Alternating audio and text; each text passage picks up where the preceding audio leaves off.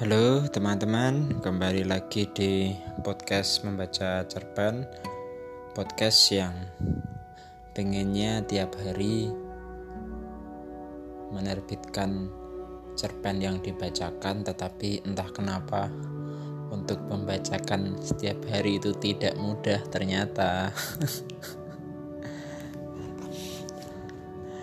Jadi dulu tuh saya pengen ini terbit Senin dan Kamis. Dan Senin Kamis itu nggak jalan. Terus saya kepengen terbit setiap hari. Setiap hari juga nggak jalan. Harusnya saya mikir ya. Wong Senin Kamis saja nggak jalan apalagi pengen setiap hari. Ya tapi nggak apa-apa lah. Itu adalah bentuk pressure kepada diri sendiri yang saya tadi harapannya begini. Kalau Senin Kamis itu saya bolong. Harapan saya kalau semisal saya ngepres diri saya untuk setiap hari paling enggak kalau misal semalas-malasnya saya 3 sampai 4 kali seminggu tuh bisa. Jadi seenggaknya bisa lebih banyak daripada yang tiap Senin Kamis tadi. Ya itu rencananya. Ternyata untuk konsisten tidak mudah ya jadi saya salut dengan orang-orang yang bisa konsisten. Kayak Panji Pragiwaksono yang bisa upload video di YouTube setiap hari atau mungkin Atta Halilintar. Ya, walaupun mungkin orang-orang bilang videonya Atta itu sampah, ya itu kata orang-orang ya. Tapi kalau menurut saya ya biasa aja lah, itu soal selera saja. Cuman saya salut dengan konsistensi dia. Oke, okay. uh, teman-teman Kali ini saya akan membacakan sebuah cerpen berjudul Maiti dan Takdir yang mengajaknya bercanda. Cerpen ini terbit di Jawa Pos tanggal 7 Juni 2020. Sebuah cerpen karya Pasini. Mari kita mulai. Maiti tak menyangka Takdir masih saja mencandainya di ujung usia. Yang ia inginkan sebenarnya sederhana saja, melihat Malinda kawin dengan Kohar dan memberinya minimal satu cicit. Lalu ia bisa pergi dengan tenang sambil membawa cerita tentang mereka kepada Lembayung, anak semata wayangnya yang tak sempat lama menjadi ibu. Dua tahun saja, Malinda bahkan baru disapihnya ketika itu. Kau persis ibumu kalau cemberut begitu. Lalu Maiti tertawa sampai noda sirihnya berleleran ke mana-mana. Malinda yang tadi merengut ikut-ikutan tertawa. Mungkin seperti itulah rupa nenek sihir yang kerap memakan anak-anak kecil. Tapi Malinda tidak perlu takut karena yang menjadi nenek sihir kali ini adalah neneknya sendiri tidak akan mungkin sang nenek memakannya hanya karena ia tidak mau tidur siang. Inginnya main terus. Mak kata, ibu baik. Tidak nakal, Malinda protes. Mak Iti menggelar tikar di tengah pintu. Ia mengambil dua bantal lalu merebahkan kepala gadis kecil itu. Angin dikirim lembar-lembar daun singkong dari pekarangan. Aku tidak mau tidur, Mak. Marinda masih protes. Siapa yang mau menidurkan kamu? Orang mak mau mendongeng kok. Orang tua terkadang aneh. Mereka sering mengirim doa ke langit agar dikaruniai anak yang cerdas. Tapi giliran dikasih beneran, mengeluh. Merepot kan punya anak yang pintar bikin alasan. Masalah tidur saja harus memutar otak sampai pusing. Belum lagi urusan susah makan. Malinda memang tumbuh cerdas sebagaimana lembayung. Dari lembayung kecil, Maiti sudah digirisi tanya ke mana ayahnya. Maiti bilang suaminya melaut dan butuh ribuan purnama untuk kembali ke daratan. Dan ketika lembayung sudah agak besar dan dirasanya hitungan bernama telah mencukupi, ia kembali bertanya ke kenapa ayahnya belum pulang juga.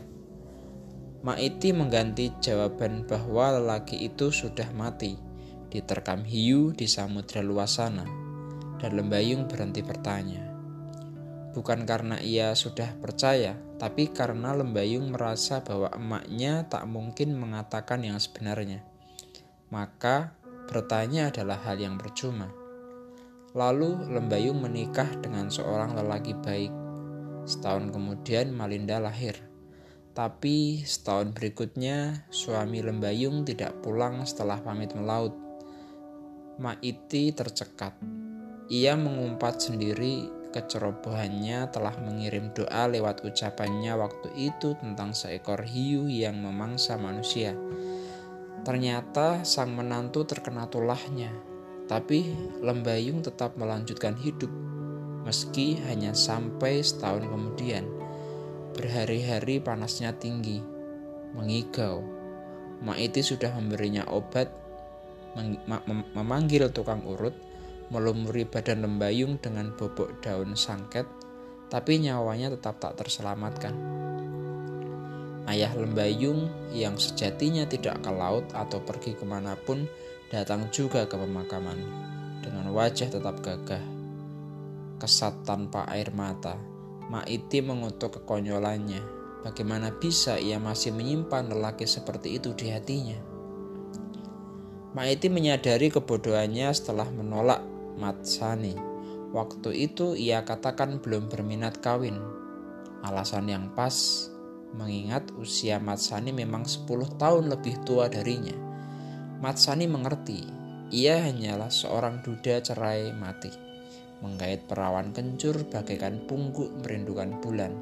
Ia pasrah saja orang tuanya membawakan janda desa sebelah dengan seorang anak perempuannya Konon katanya suami si janda tidak pulang-pulang setelah kecantol gadis seberang lautan. Tak mengapa, mengasihi anak orang bak anak sendiri tak ada salahnya. Mengawini janda banyak pahalanya. Terlebih selama bentang pernikahan ia tak diamanai sebiji pun keturunan. Bahkan Matsani menggelar pesta besar-besaran saat gadis itu menikah ia sampai merelakan beberapa kerbaunya. Sebagian dijual untuk biaya sewa terop dan dekor, juga nanggap urgen tunggal sebagai hiburan. Sebagian lagi disembelih bakal hidangan tetamu. Berhasil mengantarkan seorang gadis sampai gerbang pernikahan adalah capaian terbesar orang tua. Patut disyukuri, juga dirayakan. Dari pernikahan itu, berolehlah ia dua cucu, sepasang, lelaki dan perempuan. Istrinya lebih dulu dipanggil Tuhan tak lama setelah cucu yang pertama lahir ke dunia. Matsani kembali menemui Maiti. Kita sudah sangat terlambat untuk memulai sesuatu yang baru, kata Maiti. Setidaknya beritahulah padaku, siapa lelaki itu yang membuatmu menolakku dulu, yang membuatmu berkalang aib seumur hidupmu. Biarlah cucu-cucu kita yang meneruskan apa yang tidak sempat tersambung dulu. Maiti berangsur pergi, mematahkan hati lelaki itu untuk kedua kali. Maka Matsani kerap mengirim cucu lelakinya, Kohar, ke rumah Maiti dengan alasan paling tidak masuk akal sekalipun. Semisal malam-malam badai, Kohar dengan rantang susun di tangan. Badannya guyup, menggigil. Ketika Maiti menjerangkan air bakal pembuat kopi, lelaki muda itu sekaligus menghangatkan badannya di depan perapian. Ekor matanya berkali-kali melirik ke kamar Malinda, membuat Maiti ragu lelaki itu sendiri atau kakeknya dalang di balik rantang susun berisi nasi dan seperangkat lauknya itu. Kalau sudah tidur, macam kebo si Malinda itu. Hujan ribut begini padahal. Maiti membangun obrolan, membuat Kohar tergeragap. Pandangannya kembali ke tungku. Malam itu Kohar menginap Maiti tidak memperbolehkan pemuda itu pulang dalam keadaan badai tak kunjung reda. Keesokan paginya, makanan yang ia bawa semalam Maiti hangatkan. Dibuat sarapan mereka bertiga. Setelah itu, gadis dan bujang tersebut berangkat bersama ke tempat kerja. Malinda ke toko baju, Kohar ke toko sembako, pasar yang sama. Dulu sekali, Malinda pernah diganggu anak kampung sebelah. Mereka memang terkenal nakal-nakal. Mungkin karena mereka anak-anak orang kaya. Orang tua mereka tengkulak ikan atau pemilik kapal yang disewakan kepada para nelayan. Gangguan itu sampai membuat Malinda mogok sekolah. Konon, Kohar menghajar anak lelaki itu, memaksanya datang ke rumah Maiti dan menyuruhnya meminta maaf karena telah memukul siku Malinda, juga menaruh kecoak di tas gadis itu. Entah pula apa yang balik dikatakan bocah itu kepada orang tuanya. Padahal Maiti tak melakukan apa-apa selain memberikan butir-butir nasihat. Esok harinya, kakek bocah lelaki itu datang ke rumah Maiti. Jadi, ia itu cucumu. Maiti mengangguk. Keringat dinginnya berjatuhan. Setelah tamunya pulang, ia mengurung diri di kamar. Malinda mengerik punggungnya sampai merah bak kesumba. Kalian teman sekelas, Tanya Maiti. Malinda mengangguk. Jangan dekat-dekat dengannya. Ia bodoh sekali, Mak. Kalau ia tinggal kelas, tidak ada yang akan menggangguku lagi. Kalau ia masih nakal, sudah, menghindar saja. Malinda kembali mengangguk. Melalui Kohar, Maiti mendapat cerita bahwa Matsani mulai terserang rabun dan pikun. Terkadang ia tiba-tiba pergi tanpa tahu tujuan dan di tengah jalan diantarkan pulang oleh sembarang orang. Bicaranya ngelantur dan diulang-ulang tentang ditolak, ditolak lagi. Perempuan itu sungguh tak tahu diri. Mak tahu. Mak Iti menggeleng. Cepat suruh ayah ibumu ke sini. Jangan jadi menyesal macam kakekmu. Wajah pemuda itu memerah. Dari mana mak tahu? Aku bahkan belum bilang apa-apa kepada Malinda. Ah, lama. Lalu, apa yang selama ini kau lakukan? Sementara itu, Maiti merasa badannya kian lemah. Ia tidak bisa lagi untuk sekadar berjalan sampai sumur belakang Sebelum pergi bekerja, Malinda mempersiapkan segala yang mungkin dibutuhkan dan menaruh di meja dekat ranjangnya. Bukan hanya makanan, tetapi juga obat-obatan. Minyak angin, balsam, puyer sakit kepala, plester, salep gatal-gatal. Maiti bahkan tidak bisa datang untuk mengantar jasad Matsani ke liang lahat. Setidaknya untuk menatap terakhir kalinya lelaki itu sambil memberinya pengharapan. Mungkin di kehidupan yang lain mereka punya takdir dibersamakan. Ia telah menjadi Siti Maodah yang berbeda. Tidak lagi bodoh dengan menunggu lelaki yang tidak pernah merasa dimiliki olehnya Malam itu dalam gigilnya Maiti seperti didatangi seorang lelaki berjubah putih. Punya sayap di punggungnya. Kembalilah besok lagi. Urusanku belum selesai. Paginya Maiti, Maiti memanggil Malinda. Terlalu lama ia menunggu Kohar yang sepertinya hanya menunda-nunda. Sampai ia punya rumah sendiri sampai ia punya perahu sendiri, sampai ia punya tanah sendiri. Maeti merasa waktunya tak lama lagi. Matsani berkali-kali mengganggunya lewat mimpi, menunggunya dengan tidak sabar. Aku udah anggap Bang Kohar macam abang sendiri, Mak. Lagi pula, ada lelaki lain. Mak ini tercekat. Siapa? Malinda menunjukkan bekas luka di sikunya. Maeti bagi tersiram air panas.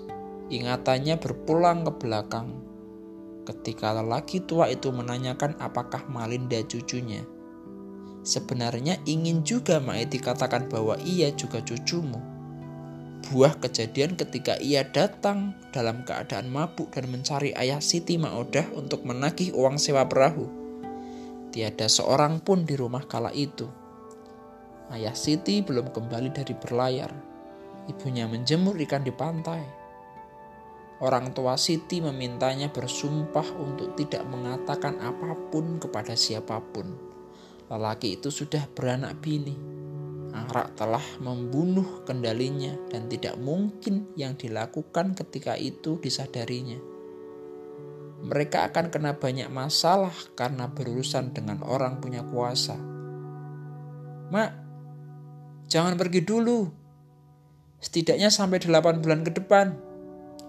Malinda menuntun tangan Maiti menuju perutnya. Malam itu dalam gigilnya lagi-lagi lelaki bersayap mendatangi Maiti. Tolong mintakan waktu kepada penyuruhmu. Aku butuh tambahan umur. Urusanku di dunia masih begitu panjang. Hidup masih ingin mengajakku bercanda. Karya Pasini Penulis tinggal di Ngawi, gemar menulis cerpen dan bisa dihubungi lewat surel pasini underscore 19 at yahoo.com ya itu tadi teman-teman. Podcast membaca cerpen. Podcast berjudul Maiti dan Takdir yang mengajaknya bercanda. Bagaimana? Merasakan sesuatu dari cerpen yang barusan saya bacakan. Ya, semoga bermanfaat dan bisa menemani hari-hari Anda asik. Sampai jumpa.